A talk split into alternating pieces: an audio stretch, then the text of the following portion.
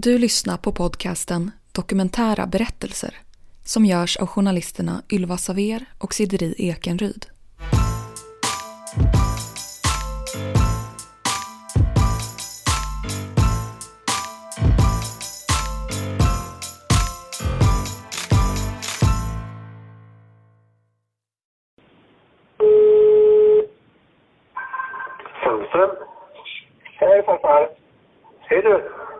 Hej, hur mår du?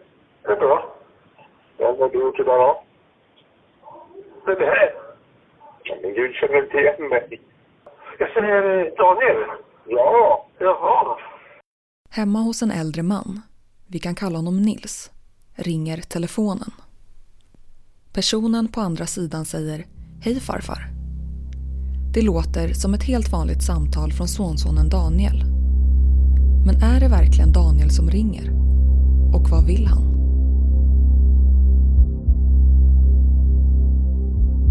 I det här avsnittet tittar vi närmare på fallet Barnbarnsligan där två personer använder sig av ett speciellt tillvägagångssätt för att lura äldre på pengar. Finns det någon möjlighet om jag kommer förbi dig och lånar 30 000 till Simon? Ja, det går bra. Har du det hemma? Ja, ja jag har på banken. Hon eh, och min morfar bodde i Märsta, precis som jag gjorde. Men vi börjar från början.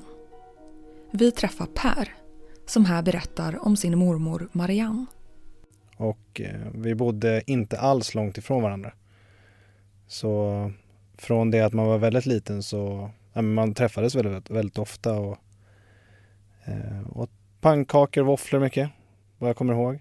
Ehm, sen var det så mycket att de drog till släkten där. Hela släkten kom ju via mormor liksom. Så att eh, eh, det var mycket återkommande middagar och såna här grejer när man var liten. I hans barndom hade de en nära relation. Men åren går och Per är idag vuxen och Marianne bor sedan ett par år tillbaka på ett ålderdomshem. Sen hade också, eh, de var inte från Småland men de, de hade ett landställe i Småland som låg utanför Ljungby. Och eh, var ett gammalt, jag tror det var den första cykelhandlaren i Sverige faktiskt. Som var min gammelmorfar då på, på någon vänster och sen så Eh, ja men häftigt ställe att vara på som barn. Med mycket, mycket prylar, mycket gamla prislistor och mycket muttrar och mycket gamla cykeldelar och sådär. Det var ju som att springa runt i ett sagoland. Men... Vi ska höra honom berätta om när han och hans mormor utsattes för barnbarnsligan. Vi hade ju eh, telefonavlyssning.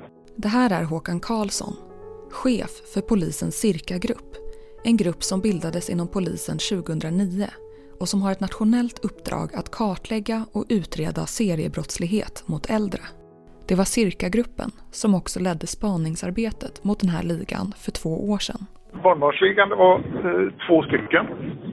Det var en huvudman och en medhjälpare eh, i det som vi utredde. Jag vaknade upp av, av en söndag, en söndagmorgon av ett telefonsamtal från ett okänt, eh, inte okänt nummer, men ett nummer som jag inte hade sparat i telefonen. Så du ser bara plus 46 och sen ett massa siffror. Eh, och eh, Ja, det var en söndag morgon, jag kommer ihåg att jag var väldigt, väldigt bakfull. Jag hade varit på någon typ av födelsedagsfest kvällen innan tror jag, så jag klickade bara samtalet för jag hade inte energi att prata då. Var på det typ ringde en gång till och jag upprepade samma sak och sen så två eller tre timmar senare så ringde det igen och just då var jag ute på och, gick. Jag skulle väl gå någonstans. Eh, och då var det min moster som ringde. Hans moster säger att hon är hemma hos Marianne och att hon är besviken på att Per inte har kommit förbi och visat upp sin nya bil. Och då sa jag, vad menar du för någonting?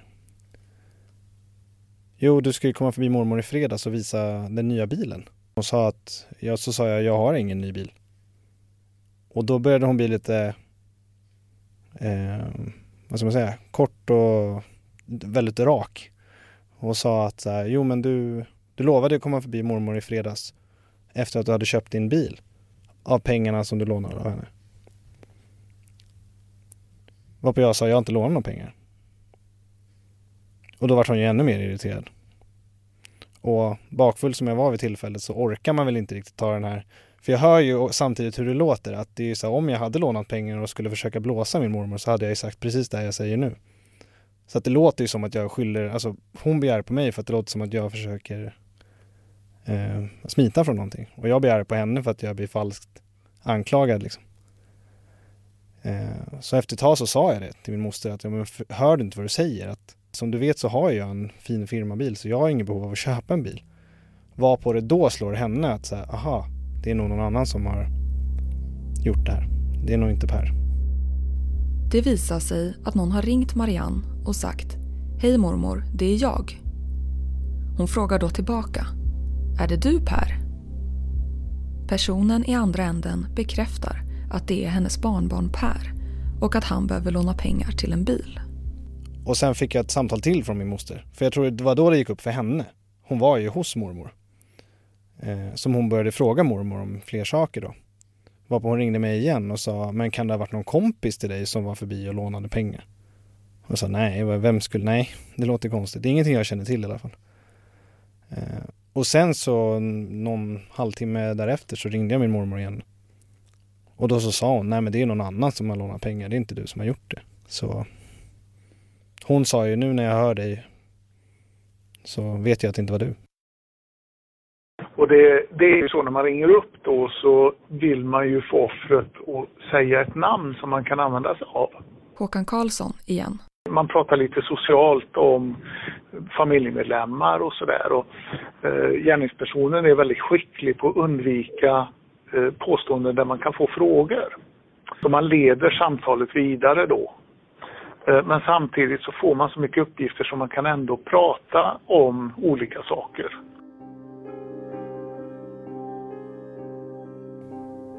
Och sen var väl då historierna som de hade dragit att jag då på jag skulle köpa en bil. Eh, hade inte riktigt pengar men ville överraska mina föräldrar. Så jag ville inte låna dem, jag ville överraska min mamma och visa upp min nya bil. Och fråga om jag kunde låna 30 000. Eh, och mormor sa ja, det går bra. Ringer du, ringer du 100 samtal så, och det är fem stycken som går på det så blir det ju rätt bra utdelning. Fem gånger tre det är 150 000.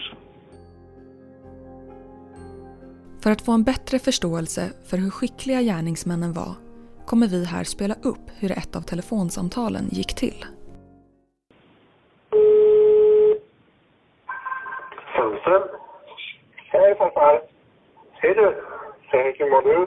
Det är bra. Vad har du gjort idag då? Det här? Men Gud känner inte igen mig. Jag säger Daniel. Ja. Jaha. Jag är bara lite förkyld och hes i rösten. Gärningsmannen säger att han är förkyld och att det är därför som han inte låter som vanligt. Annars då? Jo då, tack det är bra. Jo, sådär då det då. Ja, jag ska byta en bil, men familjen vet inte om det. Det är en överraskning. Men du har ju en släkt ny bil. Nej, jag lämnade tillbaka den. Det var något fel på, vad heter det, på, på växellådan på den. Var det det? Ja, den hackade som fan. Vad säger du? Ja. Och då, då har jag hittat en sån här demobil. Vet du vad det är? Nej. Det är en sån där bil som eh, man har fått provköra under den tiden den har stått på firman. Jaha.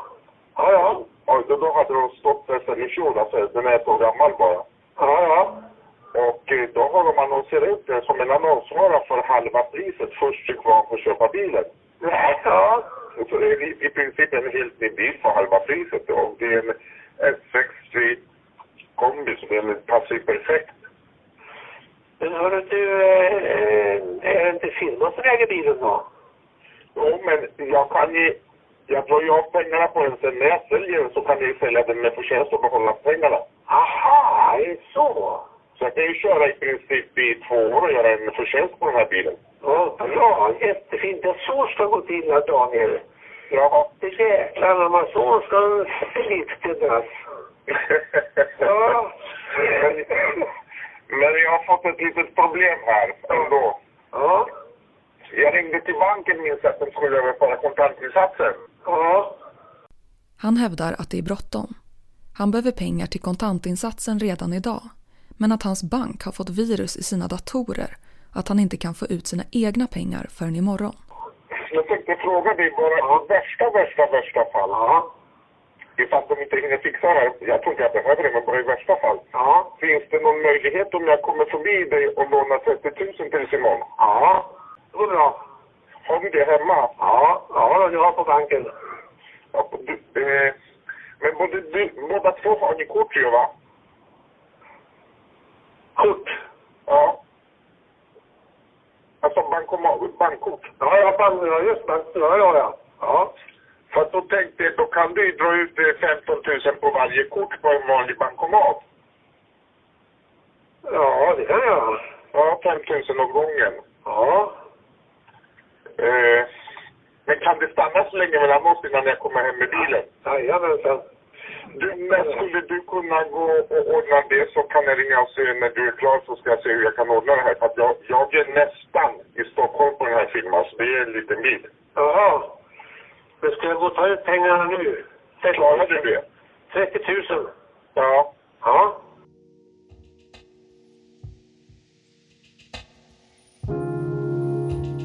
Det visar ju på liksom hur de bär sig åt. Och det är inte så konstigt att folk blir lurade, men i efterhand så mår de ju väldigt, väldigt dåligt de här offren och kände hur kunde jag gå på detta? Men det är inte så konstigt när man hör de här samtalen. Den här typen av samtal rings till flera äldre personer i ett flertal städer. Det var ju lite olika ställen. Det var ju Nyköping, Tyresö, Märsta, Norrköping, Täby, Trosa, eh, ja, Flen, Uppsala. Så att det var spritt över mellersta Sverige kan vi säga. Tillbaka till Pers historia igen. Hans mormor Marianne tar färdtjänsten ner till banken och tar ut 30 000 kronor. Och sen sa jag, fast jag kan inte komma förbi och hämta dem idag. Utan jag kommer be min kompis komma förbi. Jaha, då skickar man ju en vän. För barnbarnet kan ju av naturliga skäl inte komma själv. Utan då, då är det ju en, en kompis eller en vän eller någon tjej eller någon som hämtar pengarna. Va? Hon hade hämtat pengarna på banken och sen skulle ja, min kompis komma och hämta pengarna då. Ehm, och sa då att han hade en gul regnjacka. Och sen fick hon väl någon namn har jag för mig att han heter någonting. Varpå hon gick ut, hon gick en bit bort från hemmet. Det var ju det, det, det skulle inte komma liksom, hon bodde på ålderdomshem då. Så, och gör det fortfarande. Men eh, just att han skulle inte komma till hennes rum. Utan hon skulle ju gå, det här ålderdomshemmet ligger liksom eh, rätt nära landsväg. Så hon skulle gå ut från ålderdomshemmet, över parkeringen, upp till vägen. Och där skulle de mötas vid ett övergångsställe. Så mötesplatsen tyckte hon ju själv var lite skev. Att min kompis kan väl komma hit och hämta dem. För att det var ju vinter. Det var ju halt och hon är gammal och du vet det är uppförsbackar och och sen just att personen hade regnjacka mitt i vintern. Det var också lite konstigt så jag, hon hon drog ändå öronen åt sig, vet jag att hon sa sen. Och när hon då stod där och väntade och personen kom ju ganska, hon kom promenerande på trottoaren. Eh, och då sa hon till honom att vad heter du? Och då sa han ju att jag heter, vi säger Håkan, jag kommer inte ihåg. Och då sa hon, men kan du skriva ner ditt eh, namn och telefonnummer på en lapp? Och då sa han, ja visst, har du penna och papper? Och då sa hon ju nej, det har jag ju inte. Men så att hon var ändå lite, hon, hon kände att det var lite konstigt. Just att hon skulle gå en bit och min kompis skulle hämta det. Och det var ingen kompis hon kände till sen innan. Vilket var konstigt för att hon kände ju ändå mina kompisar så pass väl. Så som sagt, hon, hon, hon kände sig väl för dum för att fråga också kan jag tänka mig, att driva på den lilla utredningen innan hon gav bort pengarna. Tror jag. Så att, Vilka var då gärningsmännen? Håkan Karlsson, igen. Eh, Vi hade en huvudman eh, då som befann sig i Göteborg, var hemmahörande i Göteborg. Och sen hade hjälpare då som åkte runt i bil. eh, och tog emot pengar. De två gärningsmännen, Andrej och Slavomir, lär känna varandra på ett gym i Handen utanför Stockholm vintern 2015. Slavomir kom till Sverige från Polen i februari-mars samma år. Och han är den så kallade medhjälparen. Det är han som åker och hämtar upp pengarna från offren efter att han har fått ett samtal med information från Andrej. Andrei benämns som huvudmannen. Det är han som ringer upp personerna och får dem att tro att han är deras barnbarn som behöver pengar till bilaffären. De tar ut listor från nätet som visar äldre personer och deras personuppgifter i ett visst område och ringer upp dem systematiskt. Det är ju inte så svårt det här. Du kan ju gå in på eh, olika eh, Ratfit och det finns eh, andra sätt att gå in och, och leta fram äldre personer i ett område. Du kan ju söka på gamla namn till exempel. Du kan söka på hur gamla folk är. Få fram telefonnummer. Så det är, det är inte speciellt svårt. De vill ju personen inget illa. De försöker bara ja, plocka lågt hängande frukter, typ. Och söker bara efter dem. Precis som en telefonförsäljare skulle göra. Det är mycket lättare att sälja till någon som är äldre och gärna vill prata i telefon kontra att ringa någon som är Liksom. Man märker ganska tidigt på samtalet förmodligen om det här kommer gå också. Man blir, man blir ju förbannad på något sätt. Alltså att de tar pengar av min mormor. Och de spelar ju på folks goda vilja. Det är, det är väl genomtänkt för att på något vänster så ger ju ändå offret bort pengar. Nej men det är ett eh, försäljningsmanus i princip.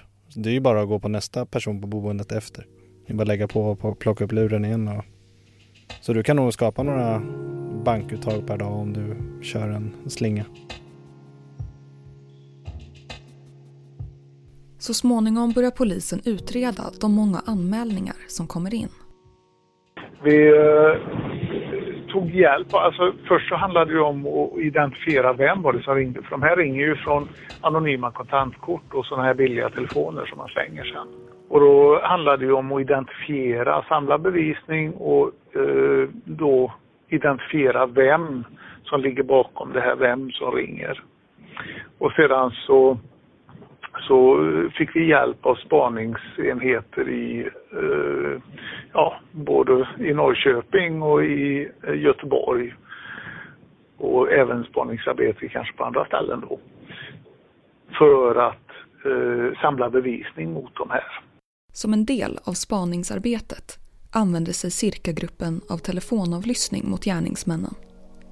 De hör bland annat följande. Någon möjlighet om jag kommer förbi dig och lånar 30 000 till Simon? Ja, det går bra. Har du det hemma? Ja, ja jag har på banken. Det här samtalet visar sig bli Andrejs sista. Offret blir nämligen misstänksam och slår det riktiga numret till sitt barnbarn Daniel. Så att eh, barnbarnet vet ju inget om detta. Och då blir offret eh, arg, Eh, sätter in pengarna igen, går in på polisstationen som ligger i närheten och vill göra en anmälan att han håller på att bli utsatt för ett bedrägeri och de ska hämta pengarna hos honom. Och sen så sker det ytterligare då ett samtal. Men då bestämmer vi oss för att eh, slå så att då griper man medhjälparen som sitter i en bil utanför oss i Norrköping och sedan så griper vi huvudmannen då som finns i Göteborg som sitter med telefonen. För det är ju så att vi kunde inte låta dem hålla på att begå brott. Utan när vi kom så långt så att vi eh, kunde ta dem med fingrarna i kakburken så gjorde vi det.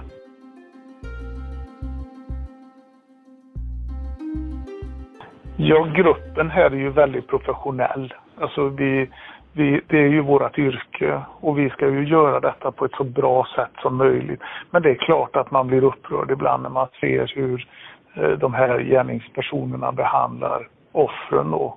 Eh, samtidigt så är det ju så att eh, när vi ska förhöra de här gärningspersonerna sen, vi ska utreda de här brotten, då måste vi ju samtidigt vara så professionella så att vi ska behandla dem med respekt.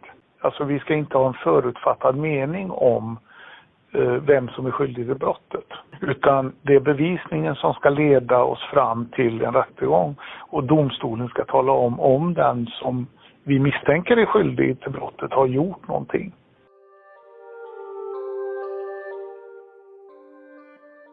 Under rättegången beskriver offren likadana upplevelser. Polisens telefonavlyssningar används som bevis och man hör hur alla samtal följer samma röda tråd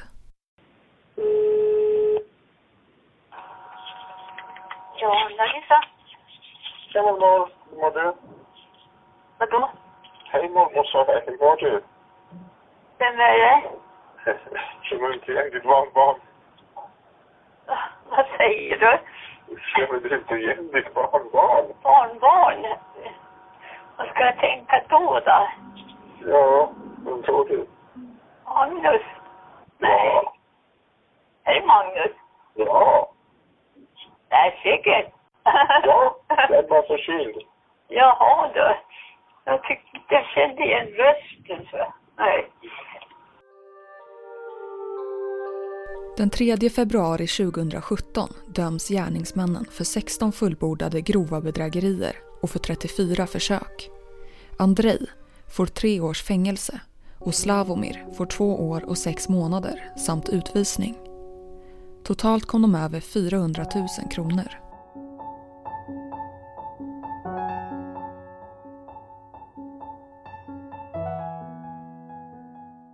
Vi upplever väl kanske att de som inte vill vara med i en rättegång, alltså man vill inte. Man har gjort polisanmälan, man kanske säger ni får inte berätta detta för mina barn. Totalt handlade det alltså om ett 50-tal målsägande i rättegången. Men det var ännu fler som blev utsatta. Man tror också att mörkertalet är stort. Att eh, farmors eller gammelfarmors och farfars smycken, eh, ringar är borta. Eh, att pappas smycken är borta eller ringar då. Va? Eh, man, man vill inte berätta det utan det, det får de reda på vid bodelning och så lever man med detta resten av sitt liv att man har ja, blivit av med det som man skulle lämna till barnen sen då. Kanske pengar också. Och sen så upplever vi ändå då att de som är med vid rättegångarna, för vi försöker få dem med och vittna och berätta hur de kände och hur det gick till i den mån det går. Eh, så upplever vi ändå att på något sätt så får de en upprättelse. Och det gäller även de som inte medverkar vid rättegången men de får klart för sig att de här personerna eller den här personen är dömd. Så, så känns det som en upprättelse. Det är inte jag som gjorde fel genom att bli lurad. Utan det är faktiskt någon som har gjort fel genom att lura mig.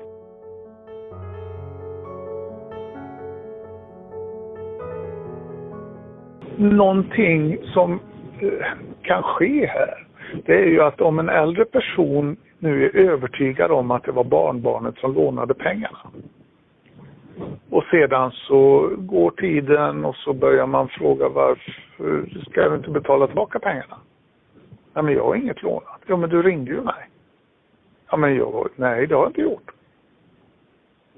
Så kan det ju få rätt så stora konsekvenser för den sociala relationen. Om offret fortfarande tror att det är barnbarnet som har lånat pengarna. Eller så kanske offret aldrig frågar. För det blir genant och då frågar man inte och så, ja. Så det kan, det kan ske mycket annat i detta som, som drabbar då de äldre och deras anhöriga. I Pers och hans mormors fall var bevisningen för svag för att tas upp i en rättegång och Marianne ville helst glömma händelsen. I efterhand har Per funderat på vad som hade hänt om Marianne hade ringt direkt till honom. Att man inte, som, vilket jag också sa till min mormor, varför ringde du inte? Du har ju mitt nummer på väggen här. Det står ju på en lapp bredvid sängen. Så varför ringde du aldrig mig? För det är någonting som har slagit mig flera gånger. Vad hade hänt om hon hade ringt till mig? Om man hade kanske kunnat förstå det här bakvägen, vad som var på väg att hända. Så man kanske hade kunnat ta någon på bar gärning, inte vet jag. Men nej, hon, hon det var bara så här, ja. Det var pengar som jag klarar mig utan liksom. Jag kommer ihåg att när det hände, man blir ju hämndlysten på en gång. Alltså eh, så att det blir snudd på olagligt på en gång. Men eh, det man tänker är ju, tänk om, som sagt, om mormor hade haft någon fråga och ringer tillbaks till mig. Istället för att vänta på det här, som, som det här manuset var då, att jag ringer dig om 30. Att hon kanske hade ringt upp efter en minut med en ny fråga. Om man hade kunnat få nys om det här. Och antingen kontakta polisen eller konfrontera den här som hämtar pengarna själv med fyra kompisar så hade det varit rättvist.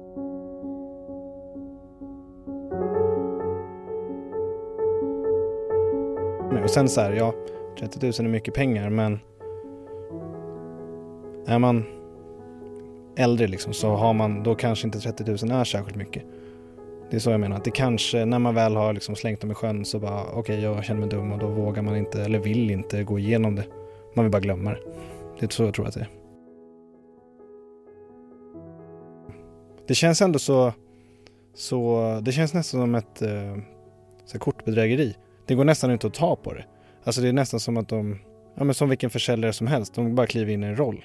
Det jag menar är så här, det är, hur hemskt det än är så är det fortfarande liksom, de kliver bara in i, in i en roll och gör det snabbt liksom. Det, det, är, ingen, det är ingenting som, det är ingen som, har, det jag menar är, det är ingen som har sökt upp någon personligen. De går på slump, tror jag. Och det är mer så här, när någon väl faller för det så går de på det. Det är inte så att de medvetet tycker att det är så attraktivt ut att sno din handväska. För då söker de upp dig själva. Nu ringer de bara nummer efter nummer i telefonkatalogen till alla som är över 70 kanske.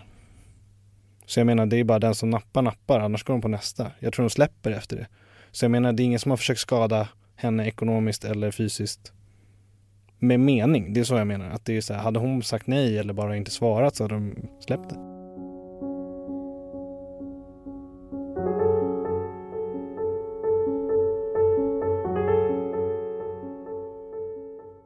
Cirkagruppen fortsätter med sitt arbete för att kartlägga brottslighet mot äldre. Just det här tillvägagångssättet är relativt vanligt. Så tillvägagångssättet eller moduset barnbarn, det ser vi, det kommer och går. Eh, och det finns olika varianter på det. Det finns de som, eh, där man pratar till exempel ett hemspråk. Om man kommer ifrån Finland eller om man kommer ifrån Polen eller någon annanstans så pratar man det språket och hävdar att man är ett barnbarn då. Vi har även modus där man uppger att man är en vän, gammal skolkamrat, man kanske behöver låna kortet för att betala en bärgare. Det finns en uppsjö med olika varianter på det här.